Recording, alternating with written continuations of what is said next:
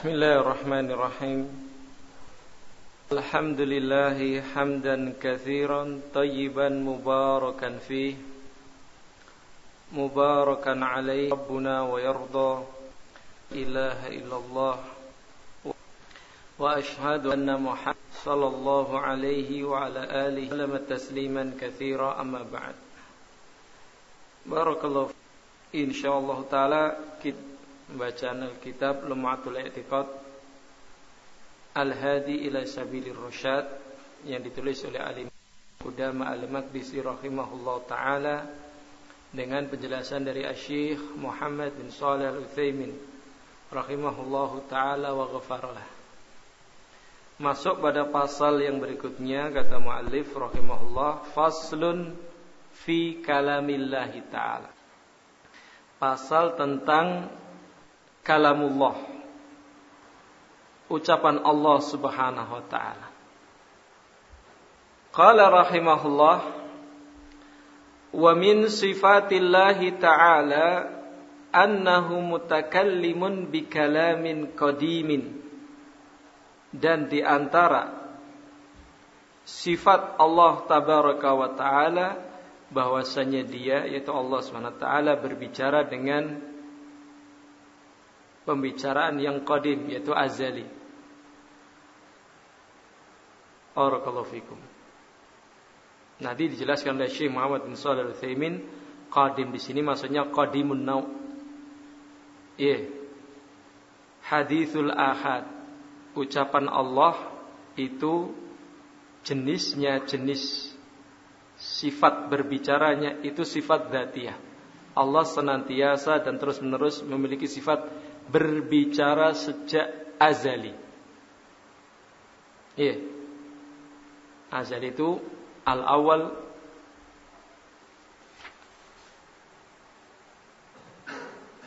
laisa qablahu syai'. Eh. Alladzi laisa qablahu syai'. Itu azali. Yaitu sesuatu yang pertama kali tidak ada sebelumnya sesuatu pun.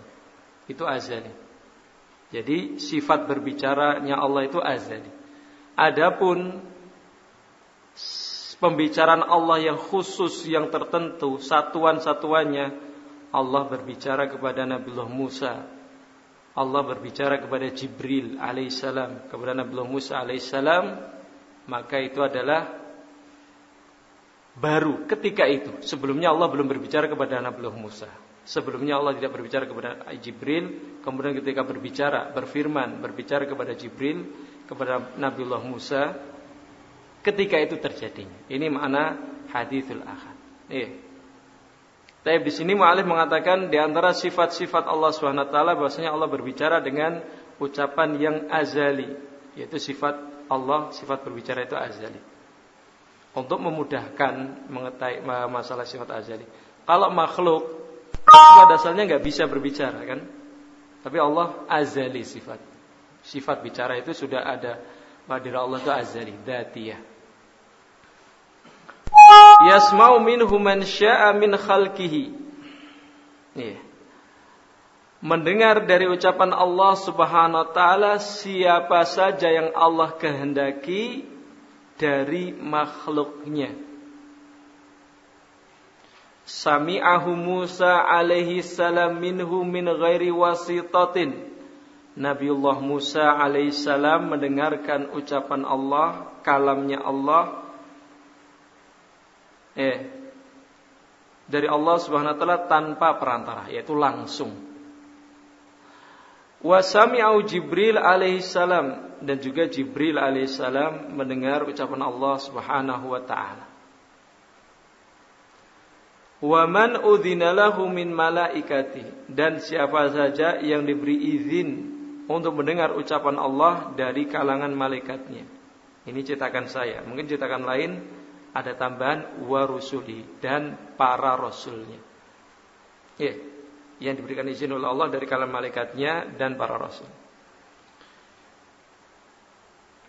Wa annahu subhanahu yukallimul mu'minin fil akhirati wa yukallimunah. Dan bahwasanya Allah Subhanahu wa taala akan berbicara kepada orang-orang beriman di akhirat wa yukallimuna dan mereka juga berbicara kepada Allah. Wa ya'danu lahum fayazurunahu. Dan Allah memberikan izin kepada mereka maka mereka kaum mukminin mengunjungi bertemu dengan Allah Subhanahu wa taala. Di antara dalil-dalilnya dibawakan oleh Syekh atau Al-Imam Ibnu Qudam Al-Maqdisi tentang Allah memiliki sifat berbicara. Qala Allah Ta'ala, Allah Subhanahu wa taala berfirman, "Wa kallamallahu Musa takliman." Dan Allah Subhanahu wa taala berbicara kepada Nabi Allah Musa secara langsung, yaitu benar-benar berbicara. Ya. Bukan Allah menciptakan sesuatu namanya al-kalam. Tapi benar Allah berbicara secara langsung kepada Nabi Musa. Wa qala subhanah dan Allah Subhanahu wa taala berfirman, "Ya Musa, wahai Musa, inni istafaituka 'alan nas bi risalati wa bi kalami." Surat Al-A'raf ayat 145. Wahai Musa, sesungguhnya aku kata Allah taala memilihmu atas seluruh manusia, yaitu di masamu tentunya. Birisalati wa bikalami dengan membawa risalahku dan dengan berbicara atau bikalami dengan aku berbicara kepadamu secara langsung tanpa perantara. Waqala subhanah dan juga Allah berfirman dalam ayat yang lainnya. Ya, minhum man kallamallah Al-Baqarah ayat 253 dan di antara mereka para rasul ya tilka rusul faddalna ba'dhum ala ba'd. Minhum man kallamallah. Ya. Itulah para rasul. Kami berikan keutamaan sebagian mereka atas sebagian yang lain. Di antara mereka man kallamallah. Yang Allah mengajaknya berbicara itu di antaranya Nabiullah Nabiullah Musa alaihissalam Qala subhanah dan juga Allah berfirman dalil menunjukkan Allah itu memiliki sifat berbicara. Wa ma kana li basharin ay yukallimahullah illa wahyan aw min wara'i hijabin. Dan tidaklah bagi manusia untuk Allah Subhanahu wa taala mengajak dia berbicara illa wahyan melainkan melalui wahyu au warai hijabin atau di balik hijab, di balik tabir, yaitu tidak secara langsung. Ya. Yeah. Asyura ayat 51. Dalil yang lainnya bahwasanya Allah memiliki sifat berbicara. Wa qala ta'ala dan Allah Subhanahu wa taala berfirman, "Falamma ataha nudiya ya Musa" Maka tatkala Musa datang ke tempat tersebut, tempat yang ada apinya tersebut, yang mengira Nabi Musa ada api di gunung Tursina, kemudian dari tempat tersebut, nudiya ya Musa. Maka ada yang menyeru kepada Musa dengan mengatakan, Ya Musa, wa Musa, ini ana Rabbuk. Sesungguhnya aku adalah Rabbmu, sesembahanmu Allah Subhanahu wa taala. Allah mengajak berbicara secara langsung. Wa subhanah dan juga firman Allah Subhanahu wa taala yang lainnya yang menunjukkan Allah memiliki sifat berbicara. Innani anallahu la ilaha illa ana fa'budni. Toha ayat 14. Eh, kalau tadi falam atanu dia ya Musa ini ana rabbuk Toha ayat 11 sampai 12. Sesungguhnya aku ini adalah Allah La ilaha illa ana, tidak ada sembahan yang benar kecuali aku. Fa'budni, maka beribadalah kepadaku, maka sembahlah aku kata Allah taala. Kata Imam Ibnu Qudamah Al-Maqdisi, wa ghairu jaizin an yakula hadza illallah. Dan tidak boleh mengucapkan hal ini kecuali Allah saja. Ya, yeah. tidak boleh mengatakan malaikat sungguhnya aku adalah tidak boleh ya kecuali aku, maka beribadahlah kepada aku. Tidak mungkin kecuali itu adalah ucapannya Allah. Ya. Ini dalil dari Alkitab. Bahwasanya Allah memiliki sifat berbicara. Adapun dalil dari hadis Wa qala Abdullah bin Mas'ud radhiyallahu anhu Berkata sahabat Abdullah bin Mas'ud radhiyallahu anhu, "Idza takallamallahu bil wahyi." Jika Allah berbicara dengan wahyu. Iya. Yeah. Sami'a sautahu ahlus sama. Maka suaranya Allah Subhanahu wa taala didengar oleh penduduk langit. Ya, yaitu para malaikat atau penduduk langit. Wa ruwiya dzalika 'ani Nabi sallallahu alaihi wasallam dan ucapan Ibnu Mas'ud tersebut juga diriwayatkan dari Nabi sallallahu alaihi wasallam. Ya, dan di sini sahih disahihkan oleh Syekh Al-Albani dalam Sahihul Jami' nomor 436. Ya, ketika Allah berbicara menyampaikan wahyu terdengarlah suaranya Allah oleh penduduk bumi eh, penduduk langit. Ini menunjukkan berbicaranya Allah itu memiliki suara. Mengapa dijelaskan demikian? Karena nanti ada kelompok yang menolak. Eh, bahwasanya Allah ucapannya pembicaranya itu ada suaranya. Warawa Abdullah bin Unais 'anil Nabi sallallahu alaihi wa ala alihi wasallam annahu qala dan diriatkan dari sahabat Abdullah bin Unais radhiyallahu an dari Nabi sallallahu alaihi wasallam bahwasanya beliau bersabda yuhsyarul khalaiku yaumal qiyamah. Manusia nanti dibangkitkan pada hari kiamat hufatan uratan. Iya. Dalam keadaan tidak beralas kaki dan telanjang tidak berpakaian ini cetakan saya. Dalam cetakan lain ada tambahan ghurlan buhman. Ghurlan itu tidak berkhitan, buhman itu laisa mahu syai'. Ya. Tidak ada topinya, tidak ada rumahnya, tidak ada apa-apanya. Ya. Enggak ada pelindungnya atau apa pun. Tidak bersamanya selembar benang pun, sehelai benang.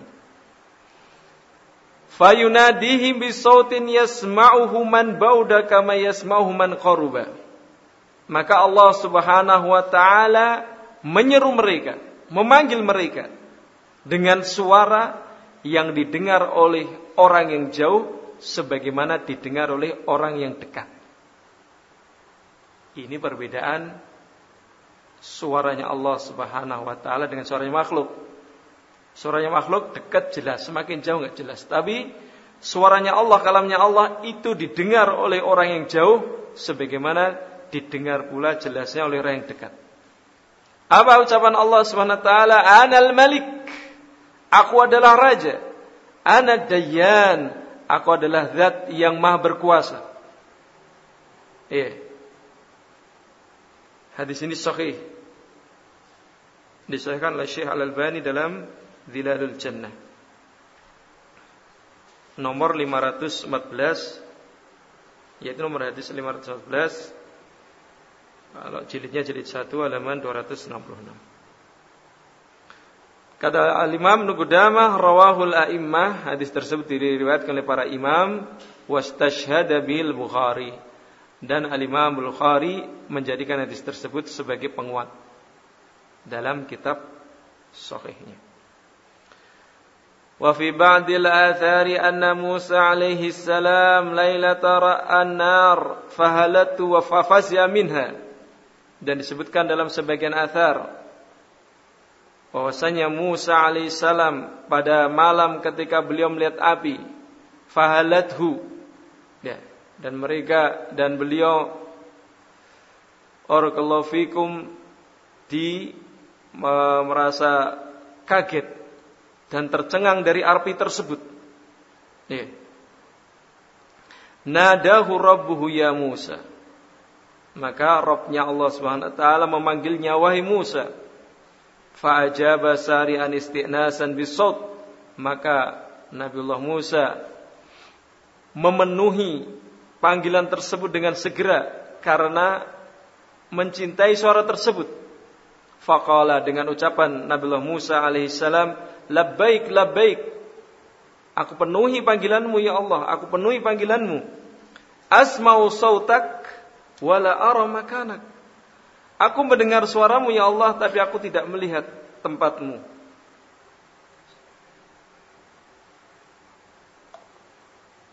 Fa'aina anta? Di mana engkau ya Allah? Faqala anna fawqak wa amamak wa an yaminik wa an shimalik. Sungguhnya aku ada berada di atasmu, di depanmu, di sebelah kananmu dan sebelah kirimu. Fa'alima anna hadhi sifah la tambagi illa lillahi. Maka taulah Nabiullah Musa bahwasanya sifat tersebut tidaklah pantas kecuali hanya milik Allah Subhanahu wa taala. Qala maka Nabi Musa mengatakan dalam athar tersebut, "Fakadzalika anta ya ilahi afakalamuka asma am kalama rasulik?" Maka demikian pula wahai engkau ya Allah sembahanku, apakah ini ucapanmu yang aku dengar atau ucapan utusanmu? Qala bal kalami ya Musa. Maka Allah berfirman, Bahkan ini adalah ucapanku sendiri wahai Musa. Akan tetapi asar ini barakallahu fikum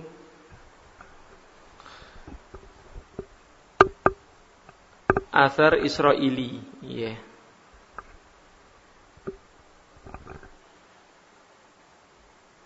Dhaifun. Asar yang lemah diambil dari Israiliyat. La yu'khadhu bih. Tidak bisa diambil riwayat ini. Dan ini termasuk riwayatnya Wahab bin Munabih dan Wahab bin Munabih ini seorang tabi'i ma'rufun bi riwayati al-Israiliyat. Ya, yeah. ma'ruf dengan riwayat-riwayat beliau dari Israiliyat, dari kisah-kisah atau dari Bani Israel.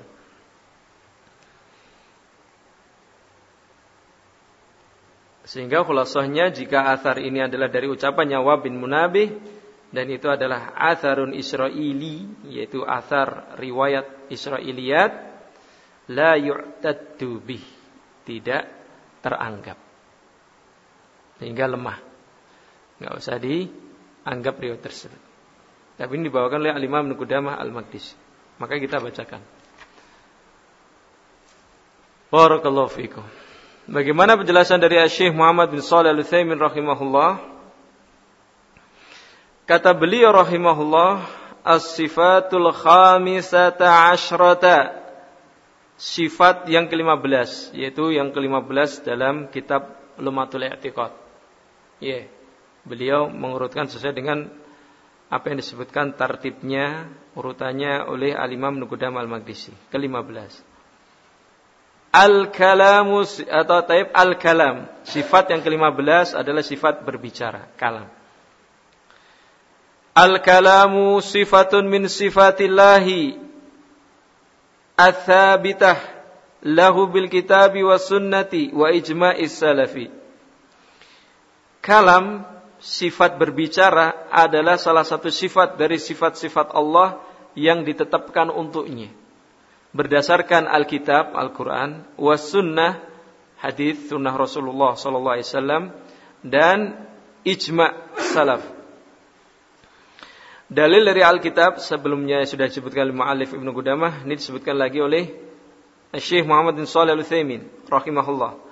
Qala Allah Ta'ala Allah Subhanahu wa taala berfirman, "Wa kallamallahu Musa taklima." dan Allah Subhanahu wa taala berbicara kepada Nabi Musa secara langsung yaitu sebenar-benarnya. Takliman di sini masdar atau maf'ul mutlak bagi yang pernah belajar nahwu yang maknanya litakid. Ya. Karena maf'ul mutlak ada yang maknanya litakid, libayanil nau menjelaskan jenisnya, libayanil adat untuk menjelaskan jumlahnya. Ya, tapi takliman di sini karena tidak dimudhafkan dengan sesuatu maka dia litakid nih benar-benar Allah berbicara kepada Nabi Musa secara langsung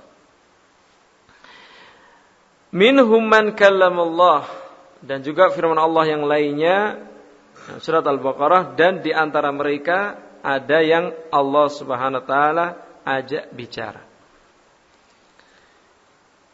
Ini dari Alkitab, dari uh, dari Al-Qur'an. Adapun dalil dari As-Sunnah yang dibawakan oleh Syekh Muhammad bin Shalih Al-Utsaimin rahimahullah, wa qala Nabi sallallahu alaihi wasallam dan Nabi sallallahu alaihi wa ala alihi wasallam bersabda, "Idza aradallahu ayyuhya bi amrih, takallama bil wahyi." Jika Allah hendak ya, memberikan wahyu dengan perintahnya. Allah berbicara dengan wahyu. Yaitu berbicara menyampaikan wahyu. Akhraja Ibnu Khuzaimah wa Ibnu Jarir wa Ibnu Abi Hatim. Hadis ini dikeluarkan oleh Imam Ibnu Khuzaimah dan Ibnu Jarir. Dan Ibnu Abi Hatim. Ya. Yeah. Sangat jelas takallama bil wahyi. Allah berbicara dengan wahyu. Wa ajma salafu ala thubutil kalami lillah. Dan salafus saleh sepakat tentang sabitnya, benarnya, tetapnya sifat berbicara bagi Allah Subhanahu wa taala. Jadi sangat kuat dalilnya dari Alkitab, dari As-Sunnah, ijma. Eh, maka kalau sudah demikian fayajibu itsbatuhu lahu min ghairi tahrifin wala ta'tilin wala takyifin wala tamthil. Kalau sudah kuat dalilnya dari Alkitab, Sunnah dan Ijma, maka wajib hukumnya untuk menetapkan sifat berbicara bagi Allah SWT. Allah berbicara. Iya. Yeah. Min ghairi tahrif dengan tanpa menyimpangkannya. Oh itu yang berbicara bukan Allah. Eh, yang berbicara malaikatnya. Yang berbicara atau sesuatu Allah menciptakan makhluk namanya al-kalam.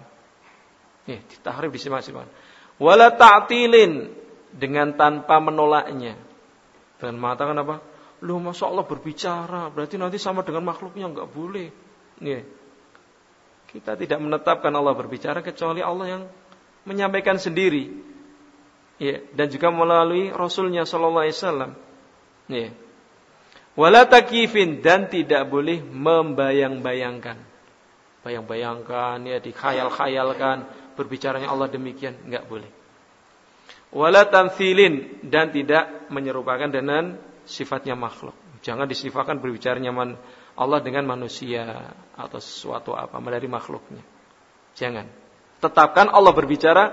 Bagaimana berbicaranya? Wallahu a'lam. Cuma Allah menyebutkan Allah memiliki sifat berbicara. Di antara sifatnya Allah berbicara. Yasma'u man ba'uda kama yasma'u man koruba. Didengar oleh yang jauh sebagaimana didengar oleh orang yang dekat. Sama-sama jelasnya. Iya. Itu, ya sudah sampai situ aja. Kefiahnya wallah wa huwa kalamun haqiqiyyun yaliku billahi yata'allaku bimasyiati bi hurufin wa aswatin masmu'atin. Dan itu adalah kalamun hakiki berbicara yang benar-benar berbicara hakiki. Ya yeah. yaliku billah tentunya sesuai dengan keagungan kesempurnaan Allah Subhanahu wa taala. Yeah yata'allaku bimasyiatihi yang bicaranya Allah itu berkaitan dengan kehendaknya. Ketika Allah ingin berkehendak berbicara, berbicara. Bi hurufin dengan huruf. Waswatin dan dengan suara masmu'atin yang bisa didengar. Ya. Yeah. Wa dalilu ala anna bimasyiatihi dan dalil yang menunjukkan bahwasanya Allah berbicara dengan kehendaknya sesuai dengan kehendaknya. Qauluhu ta'ala adalah firman Allah Ta'ala walamma ja'a Musa limiqatina wa kallamahu rabbuh. Dan tatkala Musa datang pada waktu yang sudah kami tentukan wa kallamahu rabbuh. Maka Rabbnya Allah taala mengajak dia berbicara mengajak dia bicara. Eh, Allah berbicara kepadanya. Fataklim Ya, surat Al-A'raf ayat 143. Fataklim, maka berbicaranya Allah Subhanahu wa taala hasala. Itu terjadi ba'da maji'i Musa. Setelah datangnya Musa. Fadalla ala anna muta'alliqun bimasyiatihi ta'ala. Ini menunjukkan bahwasannya berbicaranya Allah itu berkaitan dengan kehendak, keinginan Allah Subhanahu wa taala. Sebelum Nabi Musa, Musa alaihissalam datang sesuai dengan waktu yang ditentukan, Allah belum berbicara. Ketika Nabi Musa datang, Allah berbicara kepada Nabi Musa. Iya. Maka sesuai dengan kehendak Allah Subhanahu wa taala. Wa dalilu anna ala anna bi khuru ala anna hurufun dan dalil yang menunjukkan bahwasannya ucapan Allah itu terdiri dari huruf-huruf qauluhu ta'ala firman Allah taala ya Musa inni ana rabbuk sesungguhnya aku adalah sesembahanmu Rabbmu kata Syekh Muhammad bin Shalih Al-Utsaimin fa inna hadhil kalimat hurufun Ya, sungguhnya kalimat ini ya Musa terdiri berapa hurufnya? Ya, ini sungguhnya aku ya, hamzah nun ya ana hamzah nun ada alifnya rabbuk. Ya. Fa inna hadil kalimat maka kata-kata tersebut hurufun. Ya, terdiri dari huruf-huruf. Wahia kalamullah dan itu adalah kalamnya Allah, ucapannya Allah. Ya, tidak mungkin ucapannya selain Allah. Kalau mengatakan sungguhnya aku Robmu, kufur. Iya. Itu tidak layak kecuali itu adalah ucapan Allah Subhanahu wa taala. Wa dalilu ala annahu bisautin. Dan dalil yang menunjukkan ucapannya Allah itu ada suaranya. Qauluhu ta'ala firman Allah taala wa nadainahu min janibit turil aiman. Mengapa perlu disebutkan ada suaranya? Nanti karena ada kelompok yang menolak. Iya kalamnya Allah itu ada suaranya. Al asyairah iya dalilnya adalah surat al-maryam ayat 52 wa nadainahu dan kami memanggilnya yaitu manggil Nabi Musa min janibit aiman dari sisi sebelah kanan gunung Tur. Wa qarrabnahu dan kami mendekatkannya mendekatkan Nabi Musa najiyya untuk bermunajat untuk berbisik-bisik Syekh menjelaskan wan nida wal munajah la takunu illa bisautin nida panggilan dan munajat bisik-bisik itu tidak terjadi kecuali dengan suara nida suaranya keras panggilan munajat bersuara tapi lirih. Iya. Yeah. Maka wanadaina, maka manggilnya itu dengan suara yang bisa didengar keras. Kemudian wa qarrabnahu najiya dan kemudian kami mendekatkannya untuk berbisik-bisik, bermunajat. Ini juga ada suaranya, cuma lirih. Ya, yeah, sehingga ada suaranya. Barakallahu fiikum. Wara Abdullah bin Unais anin Nabi sallallahu alaihi wa ala alihi wasallam annahu qala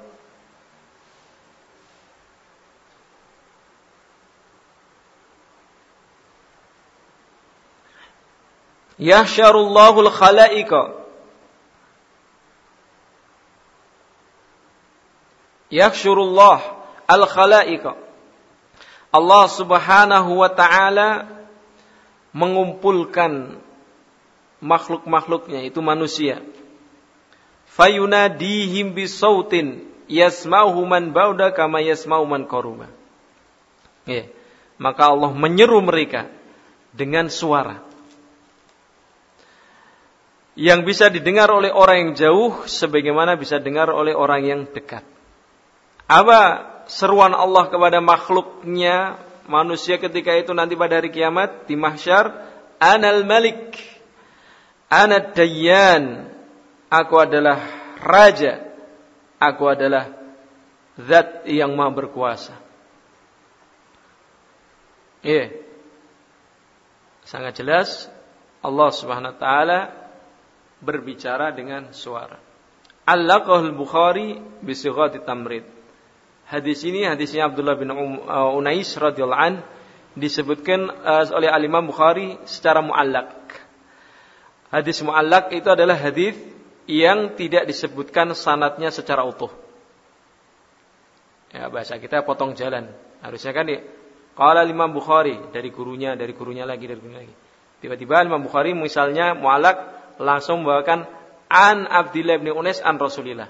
Ini mu'alak karena dari Imam Bukhari terputus banyak jalan kemudian sampai sahabat. Ini namanya hadis mu'alak. Iya. Itu mu'alak. Bisighah ditamrid dengan sighah tamrid. Tamrid itu dengan sighah majhul. Ya, seperti ruwiya diriwayatkan. Tidak rawa. Kalau itu rawa jazm dengan sighah pasti. Telah meriwayatkan. Ya, tamrid itu dengan uh, hikayat atau diriwayatkan dengan majhul ya, ruwiya. Kila dikatakan, hukia dihikayatkan. Itu tamrid maksudnya. Ya, dengan menceritakan sighah tamrid. Lawannya tamrid itu jazm. Qala telah berkata. Kan jelas. Iya, rawa telah meriwayatkan. Kalau tamrid, kalau tamrid ruwiya. Ini menunjukkan uh, kalau pendapat tamrid itu pendapat yang lemah. Kalau dibawakan secara tamrid. Kila ruwiya. Al-Muhim, Al-Imam Bukhari menyebutkan dalam sikot tamrid. Qala fil fath, disebutkan dalam al-fath yaitu Fathul Bari oleh Al-Hafidh Ibnu Hajar Al-Asqalani rahimahullahu taala ketika menjelaskan hadisnya Al Imam Bukhari tadi yang disebutkan cara muallak dengan sighatut tamrid dengan ruwiya kila atau yang semisalnya wa akhrajal musannifu fil adabil mufrad dan hadis tersebut dikeluarkan oleh al musannif yaitu al Imam Al Bukhari dalam kitab beliau Al Adabul Mufrad. Al Adabul Mufrad tidak masuk dalam Sahih Bukhari, kitab tersendiri wa Ahmadu wa Abu Ya'la fi musnadaihima dan juga dikeluarkan oleh Al-Imam Ahmad serta Al-Imam Abu Ya'la dalam kedua musnadnya.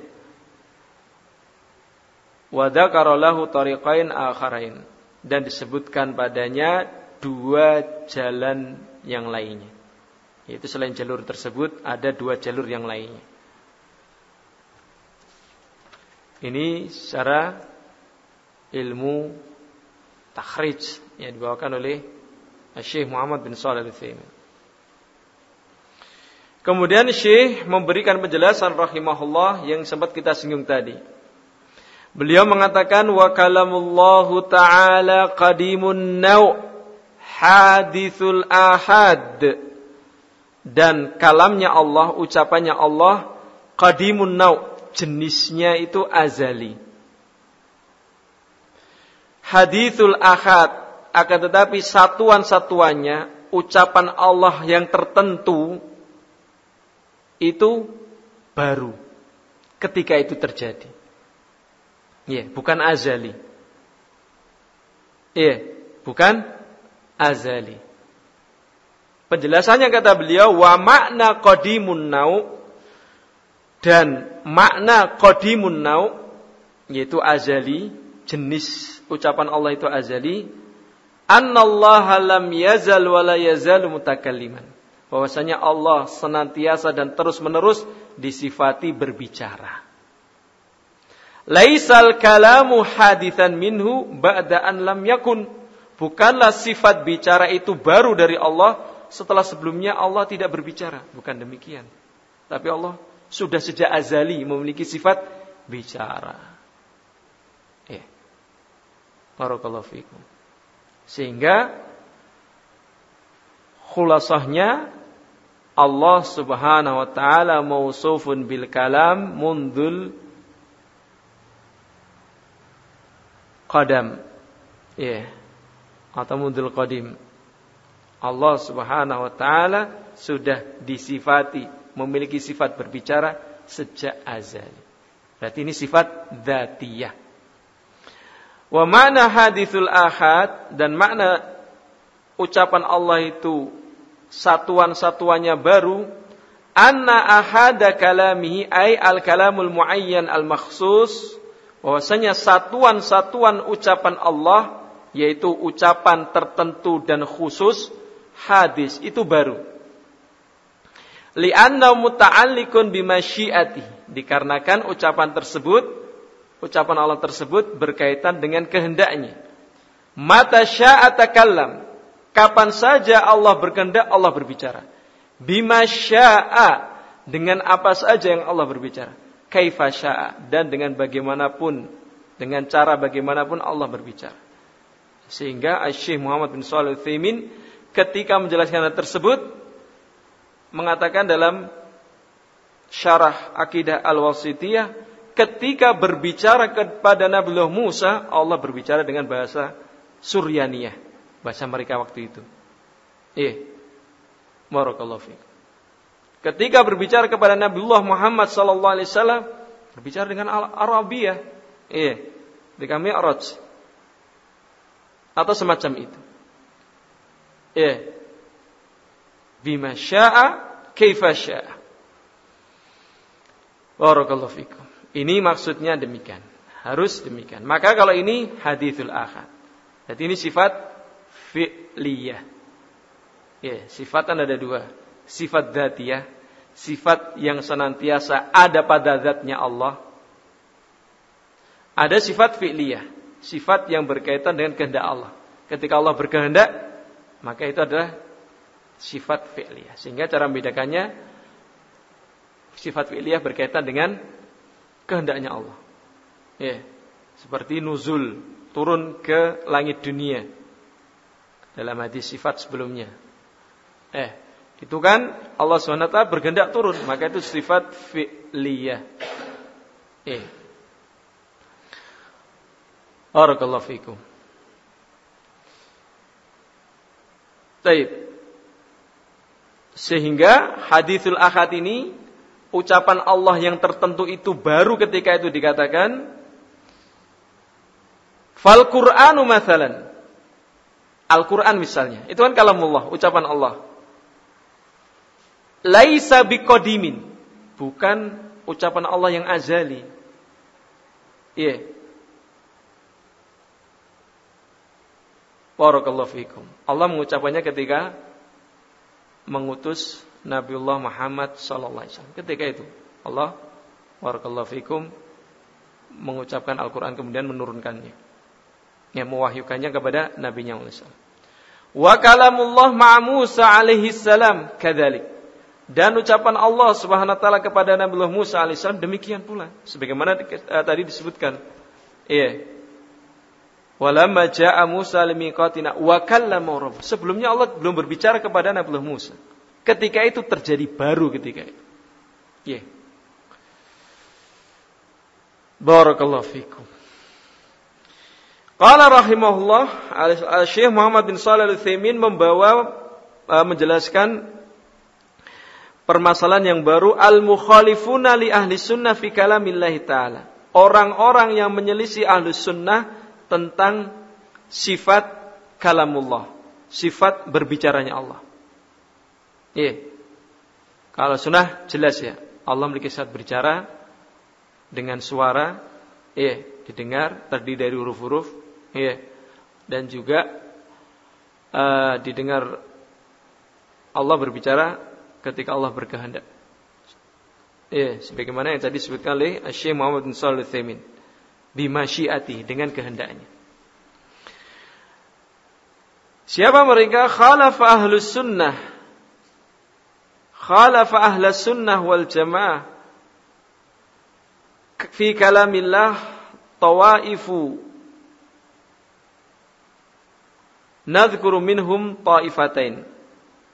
Menyelisih ahlu sunnah wal jamaah dalam kalamullah sifat berbicaranya Allah tawaif beberapa kelompok. Kita sebutkan di antaranya di antara mereka dua kelompok. At-taifatul ula, kelompok yang pertama Al-Jahmiyah. Kelompok Jahmiyah. Kalau secara kelompok Jahmiyah mungkin tidak didengar, tapi pemikiran ini ada ya, pada seorang ataupun kelompok namanya bukan jamiah. Ya. Qalu mereka mengatakan laisal kalamu min sifatillah. Al-kalam berbicara itu bukan sifatnya Allah. Artinya apa? Allah tidak berbicara. Nauzubillah. Wa inna ma huwa khalqun min makhluqatillah. Hanya saja bicara itu adalah makhluk dari makhluk-makhluk ciptaan Allah. Jadi yang berbicara kepada Nabi Musa itu makhluknya Allah. Allah menciptakan makhluk yang namanya kalam. Ya. Yakhluqullahu fil hawa. Allah menciptakan kalam tersebut di udara. Au fil mahal alladhi yusma'u min. Atau di suatu tempat yang didengar darinya. Iya. Mereka beralasan wa idhafatu ilallah idhafatul khalqin. Dan penyandarannya kepada Allah kalamullah. Ini kan disandarkan kepada Allah. Ucapannya Allah. Maksudnya demikian. Penyandarannya kepada Allah itu penyandaran makhluk. Yaitu penyandaran makhluk kepada Allah. Au tasrifin atau atau tasyrifun sebagai bentuk pemuliaan. Ya, sesuatu kalau disandarkan kepada Allah SWT itu pemuliaan. Mithlu kata mereka naqatullah. Ontanya Allah. Mujizatnya Nabi Saleh dikatakan naqatullah. Ontanya Allah. Nakoh itu onta disandarkan kepada Allah. Maka ini bukan onta biasa. Onta mukjizat ini. Maksudnya mereka demikian. Wa baitullah. Ka'bah Baitullah. Bukan rumah Allah biasa ini. Ya, walaupun masjid-masjid seluruhnya Baitullah. Tapi ini dikhususkan Masjidil Haram dengan Baitullah bukan rumah biasa. Tasrif pemuliaan untuk Baitullah. Pemuliaan untuk nakah tadi onta tadi. Walaupun semuanya nakah nakahnya Allah yang menciptakan Allah. Tapi dikatakan ketika disandarkan kepada Allah nakatullah ini pemuliaan untuk unta tersebut. Mukjizat bagi Nabiullah Saleh. Ini kata mereka. Iya, itu penyandaran makhluk kepada Allah. Iya. Untuk tujuan pemuliaan. Bagaimana bantahannya wa naruddu alaihim bima? Kita bantah mereka dengan perkara berikut ini. Al awal bantahan pertama annau khilafu ijma'is salaf ucapan mereka menolak sifat berbicaranya Allah menyelisih salafus saleh. Menyelisih para sahabat radhiyallahu anhum yang mereka paling tahu agama ini setelah rasulnya sallallahu alaihi wasallam. Ya mereka langsung mendapatkan ilmu agama termasuk ilmu tentang sifat Allah dari Rasulullah sallallahu alaihi secara langsung. Menyelisih tabi'u tabi'in muridnya para sahabat dan adba'ut tabi'in. Ya yang kedua bantahan untuk mereka asani khilaful ma'kul menyelisih akal sehat. Ya. Li'annal kalama sifatun lil mutakallim. Secara akal sehat, kalam itu sifatnya sesuatu yang berbicara, sifatnya orang yang berbicara. Yeah walaisa syai'an qa'iman binafsihi. Bukan sesuatu yang berdiri sendiri munfasilan anil mutakallim yang terpisah dari orang yang berbicara. Saya misalnya berbicara masa ucapanku di sini ngomong sendiri? Enggak kan? Itu ucapannya orang yang berbicara. Nyelisi akal. Itu orang jamiah itu orang enggak waras. Iya. Barakallah. Thalis, bantahan yang ketiga. Ana Musa sami Allah yakul bahwasanya Nabi Musa mendengar Allah Subhanahu wa taala berbicara mengatakan ini atau innani anallahu la ilaha illa ana fa'budni. Sesungguhnya aku ini adalah Allah yang tidak ada sembahan yang benar kecuali aku. Fa'budni maka sembahlah aku maka beribadah kepadaku. Wa muhalun an yaqula dzalika ahadun illallah subhanahu dan muhal perkara mustahil. Yeah. untuk mengucapkan hal tersebut seorang pun kecuali Allah. Ya. Yeah. Barakallahu fikum. Kalau ada selain Allah mengatakan demikian, maka dia menyerukan kesyirikan, menyerukan peribadatan kepada selain Allah. Ya. Yeah. Illallah subhanahu wa ta'ala kecuali yang mengatakan demikian Allah subhanahu wa ta'ala. Ya untuk menyembah, beribadah hanya kepadanya. Itu Jahmiyah yang menolak sifat Allah yang mengatakan kalamullah itu makhluk. Iya. Yang sempat ramai pada masanya Al-Imam Ahmad bin Hambal sampai dicambuk untuk mempertahankan Al-Qur'an kalamullah. Walaysa bil makhluk. Ya, bukan makhluk. Ya. At-taifatu tsaniyah, kelompok yang kedua, al-asy'ariyah. Ya. Kelompok Asy'ariyah. Qalu mereka mengatakan kalamullahu makna qaimin binafsih. Kalamullah itu adalah makna yang ada pada diri Allah Subhanahu wa taala. La yata'allaqu bimasyiati, tidak ada kaitannya dengan kehendak Allah taala. Itu sesuatu makna yang ada pada diri Allah. Wa hadhil huruf wal aswat al-masmu'ah makhluqatun. Dan huruf-huruf dan suara yang didengar itu adalah makhluk yang diciptakan. Li ta'biri anil makna al-qaim binafsillah. Untuk mengungkapkan, untuk menghikayatkan makna yang ada pada diri Allah Subhanahu taala. Berarti yang berbicara itu bukan Allah, tapi makhluk intinya. Iya, suara itu tadi ketika Allah berbicara kepada Nabi Musa, atau hadis yang mengatakan anal malik, anad dayan itu bukan Allah yang berbicara, tapi makhluk untuk mengucapkan makna yang ada pada diri Allah. Iya.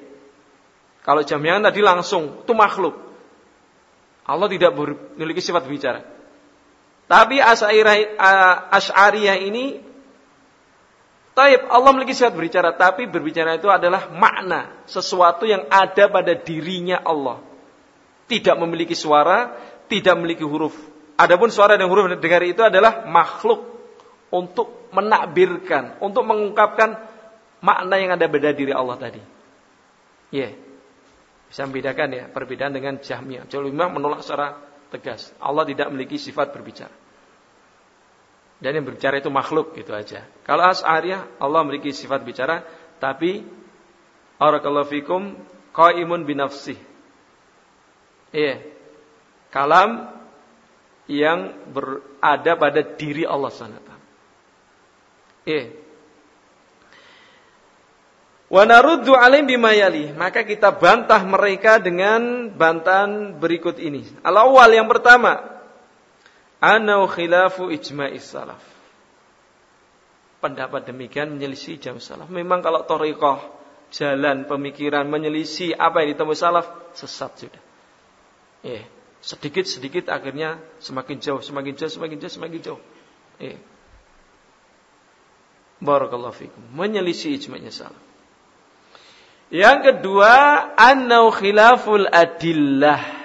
Pendapat mereka kalamullah itu adalah makna yang ada pada diri Allah. Tidak ada suaranya, tidak ada kata-katanya, tidak ada hurufnya. Itu adalah menyelisih dalil-dalil li'annaha tadullu ala anna kalamullah yusma dikarenakan dalil-dalil yang ada menunjukkan bahwasannya ucapan Allah bicaranya Allah yusma didengar ya yeah. wala yusma illa sautu dan tidaklah didengar kecuali itu adalah suara wala yusma'ul makna al-qaimu binafsi. Dan makna yang ada pada diri Allah SWT itu tidak mendengar. Yeah.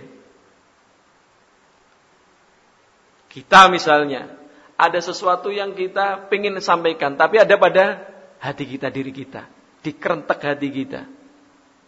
Ya, apakah ada suaranya? Misalnya saya ingin menyuruh antum ambilkan air minum misalnya. Saya diam saja. Tapi ada di hati saya. Maka antum nggak tahu nggak dengar suaranya ya. Ini maknanya mereka.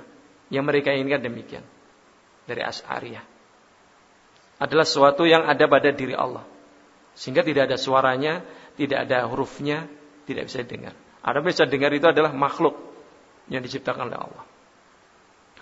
Thalith, Bantahan yang ketiga, anau khilaful ma'hud. Ucapan mereka kalamullah adalah sesuatu yang ada pada diri Allah itu menyelisihi suatu yang sudah diketahui, yang sudah maklum. Ma'hud itu maklum nih.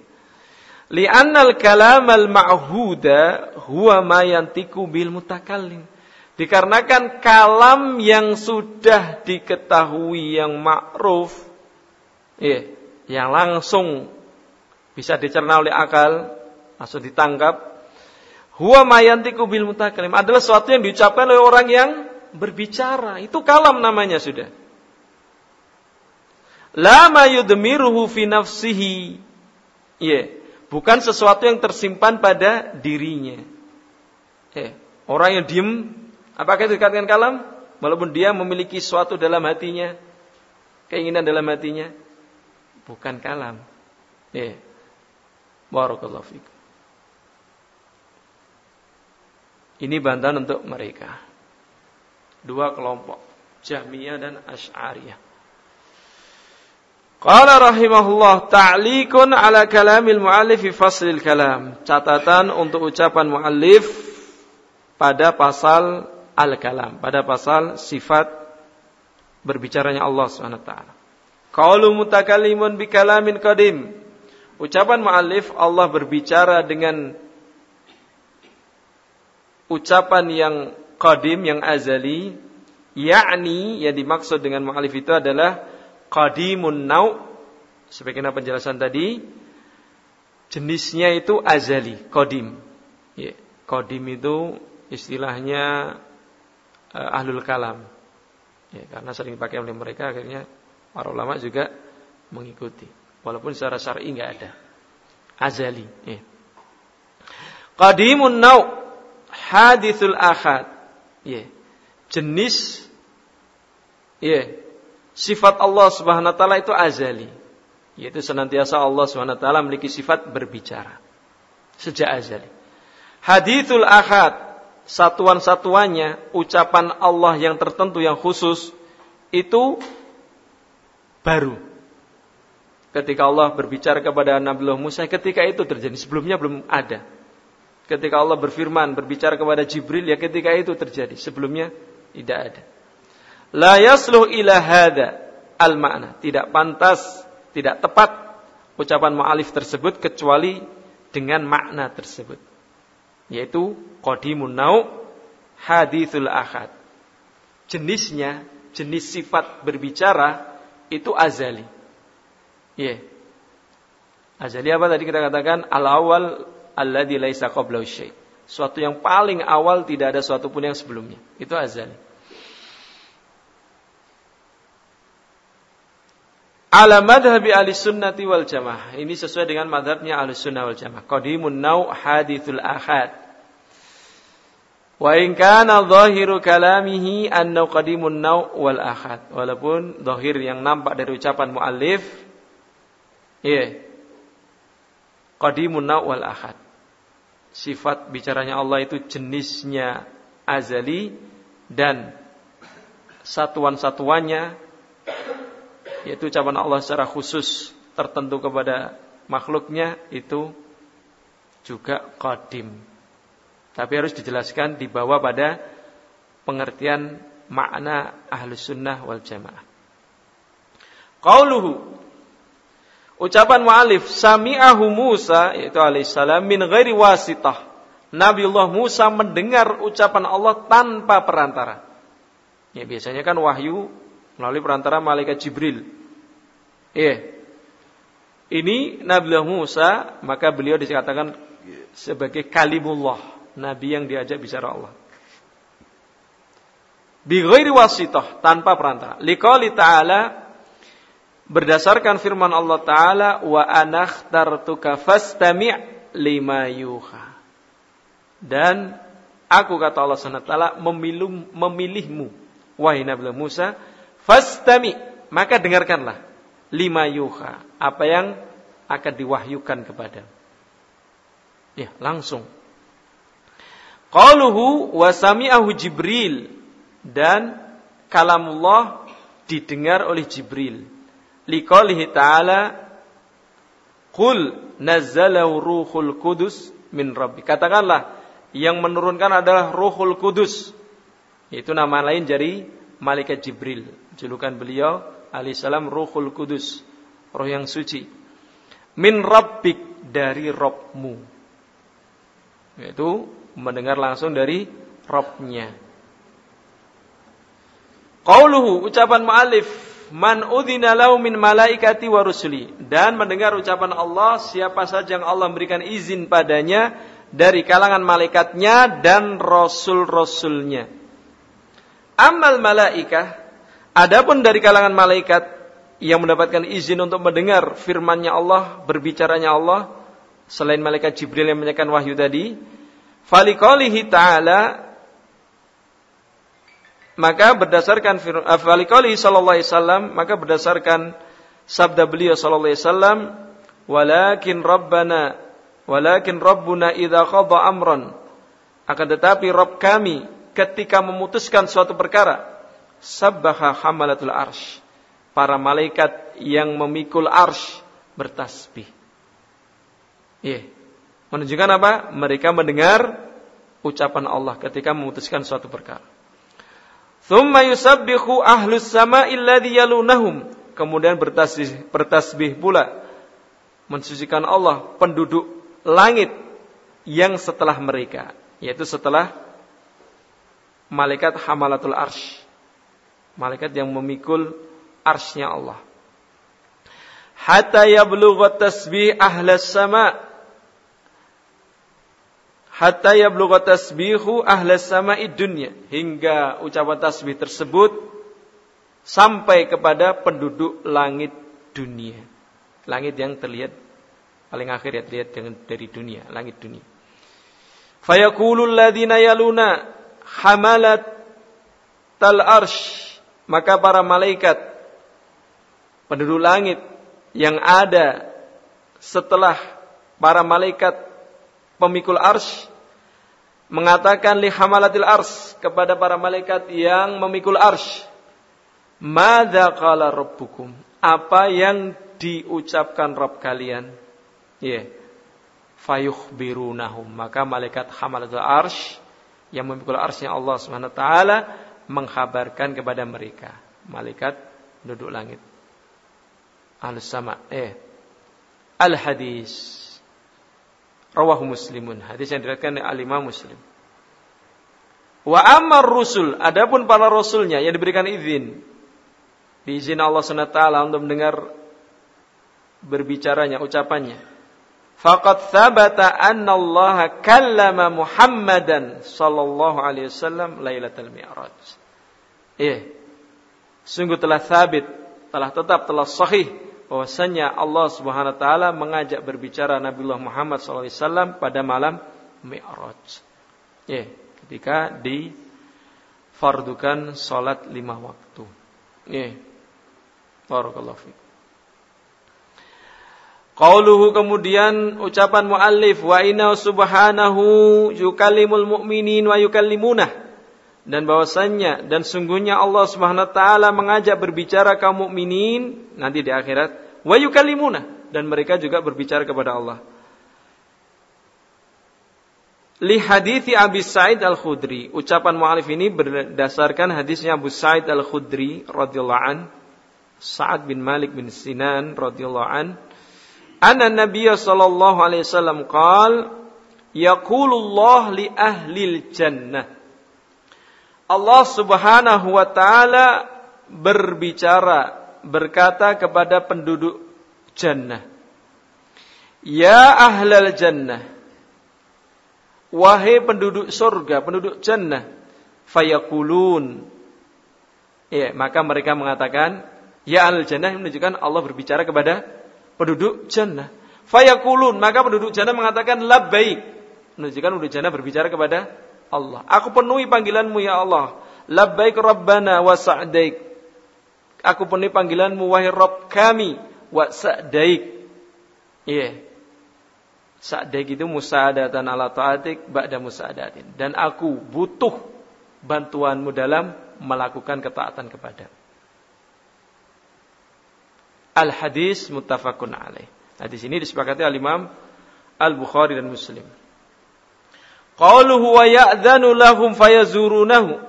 Adapun ucapan mu'alif al-Imam Nugudamah dan Allah mengizinkan mereka, maka mereka kaum mukminin berziarah mengunjungi Allah Subhanahu wa taala. Li hadis Abi Hurairah radhiyallahu anhu, anna nabiyyu anna nabiyya sallallahu alaihi wasallam qaal berdasarkan hadis Abu Hurairah Abdurrahman bin Sakhrin Ad-Dausi radhiyallahu anhu bahwasanya Nabi sallallahu alaihi wasallam bersabda, qala inna ahlal jannah idza dakhalu fiha nazalu bi fadli a'malihim. Sungguhnya penduduk surga, penduduk surga, jannah, jika mereka masuk ke dalam jannah, nazalu, mereka tinggal menempati surga tersebut bi fadli a'malihim dengan keutamaan amalan-amalan mereka. Thumma yu'dhanu lahum fi miqdari yaumil jum'ah min ayamid dunya. Kemudian diizinkan untuk mereka seukuran lamanya hari Jumat dari hari-hari dunia. Iya. Fayazuruna rabbahum. Maka mereka pun mengunjungi Rabbnya Allah Subhanahu wa taala. Al-hadis. Tapi hadis ini dikatakan rawah Ibnu Majah wa Tirmidzi, hadis dari Imam Majah dan Imam Tirmidzi Waqala gharib. Al-Imam Tirmidzi mengatakan hadis ini hadis yang gharib. Iya. Hadis yang asing. Iya, gharib. Wa dha'afahu al-Albani. Hadisnya didhaifkan oleh Syekh Albani. Iya. Sehingga hadisnya dhaif. Wa qaluhu wa qala Ibnu Mas'ud. Adapun ucapan muallif membawakan ucapan Ibnu Mas'ud, "Idza takallama Allahu bil wahyi Sami'a sautahu ahlus sama. Maka suaranya Allah. Jika Allah berbicara dengan wahyu. Maka suaranya Allah SWT didengar oleh penduduk langit. Warwadhalika ani Nabi Wasallam. Dan ucapan Mas'ud diriwayatkan pula dari Nabi Sallallahu Alaihi Wasallam. Jelaskanlah Syekh Muhammad bin Salih al Utsaimin di sini. Athar Ibnu Mas'ud lam ajidhu bihadzal lafzi. Kata Syekh, aku tidak mendapatinya dalam lafaz seperti ini. Iya, dengan lafaz idza takalamal wahyi sami'a sautahu ahlus sama. Dengan lafaz itu kata Syekh tidak beliau dapati. Wa dzakara Ibnu Khuzaimah turuqahu fi kitab tauhid. Al-Imam Ibnu Khuzaimah Abu Bakar Muhammad bin Ishaq bin Khuzaimah dalam kitab beliau kitab tauhid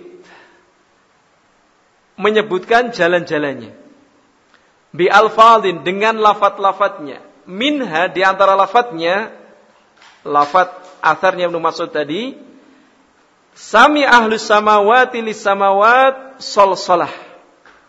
Penduduk langit mendengar pada langit-langit tersebut suara gemerincing. Ya, seperti rantai yang dipukulkan di batu. Gemerincing, sol-solah. Wa amal mar, marwi ani Nabi sallallahu alaihi wasallam adapun yang diriwayatkan dari Nabi sallallahu alaihi wasallam fahuwa min haditsin Nawas bin Sam'an. Maka itu dari hadisnya sahabat An-Nawas bin Sam'an, bukan dari Ibnu Mas'ud. Marfu'an secara marfu' idza aradallahu ayyuhya bi amrihi takallama bil wahyi. Jika Allah berkehendak untuk mewahyukan perintahnya, ya, dengan perintahnya. Takallama bil wahyi. Allah berbicara dengan wahyu. Faida takallama, maka jika Allah berbicara, akhadatis samawatu minhu rajfatan. Au qala akhadat akhadatis samawat rajfatun. Iya. Akhadatis samawati minhu rajfatan. Maka menimpa pada langit-langit tersebut ketika Allah berbicara rajfatun. Iya. Getaran yang sangat keras. Au qala ra'datun syadida. Iya. Barakallahu fikum.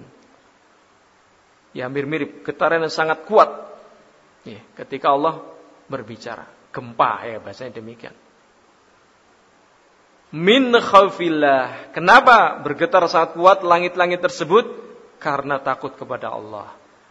Faida sami'a dzalika ahlus samawati sa'iqu. Jika suaranya Allah, berbicaranya Allah itu didengar oleh penduduk langit, sa'iqu, mereka pun pingsan. Al-hadis. Iya. Hadis yang panjang cuma diringkas oleh Syekh Muhammad Salih Demikian. Rawah Ibnu Khuzaimah wa Ibnu Abi Hatim. Hadis ini diriwayatkan oleh Imam Ibnu Khuzaimah dan Al-Imam Ibnu Abi Hatim. Barakallahu fikum. Sehingga ahli sunnah wal jamaah menetapkan sifat berbicara untuk Allah Subhanahu wa taala min ghairi tahrifin wala ta'tilin wala takifin wala tamthil. Tanpa menyimpangkannya, tanpa menolaknya, tanpa membayangkannya, tanpa menyamakan sifat berbicaranya Allah dengan sifatnya makhluk. Dan sifat berbicaranya Allah itu sesuai dengan kehendak Allah dan pula terdiri dari suara dan huruf-huruf. Iya. Barakallahu fikum. Dan berbicara Allah Subhanahu wa taala jenisnya itu azali. Adapun satuan-satuannya ucapan Allah Subhanahu wa taala kepada makhluknya tertentu Jibril, Musa alaihissalam, Nabi Muhammad alaihissalam, maka itu baru ketika itu, bukan azali. Wallahu taala alam bisawab, semoga bisa dipahami. Insyaallah kita cukup sampai di sini. Adapun pasal yang berikutnya tentang Al-Qur'anul Karim ini masih ada kaitannya dengan sifat kalamullah ya. Karena Al-Qur'an Karim termasuk kalamullah.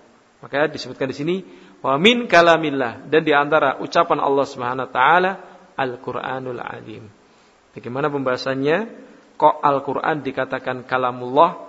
Ya, terkadang kok didengar, terkadang kok Al-Qur'an tertulis apakah yang tertulis itu kalamullah atau bagaimana? Ya, yeah. insyaallah penjelasannya pada pertemuan berikutnya. Bismillahi taala wa taufiqih. Subhanakallahumma bihamdika. Asyhadu an la ilaha illa anta. Astaghfiruka wa atubu ilaik. Tafaddalu. Barakallahu fikum.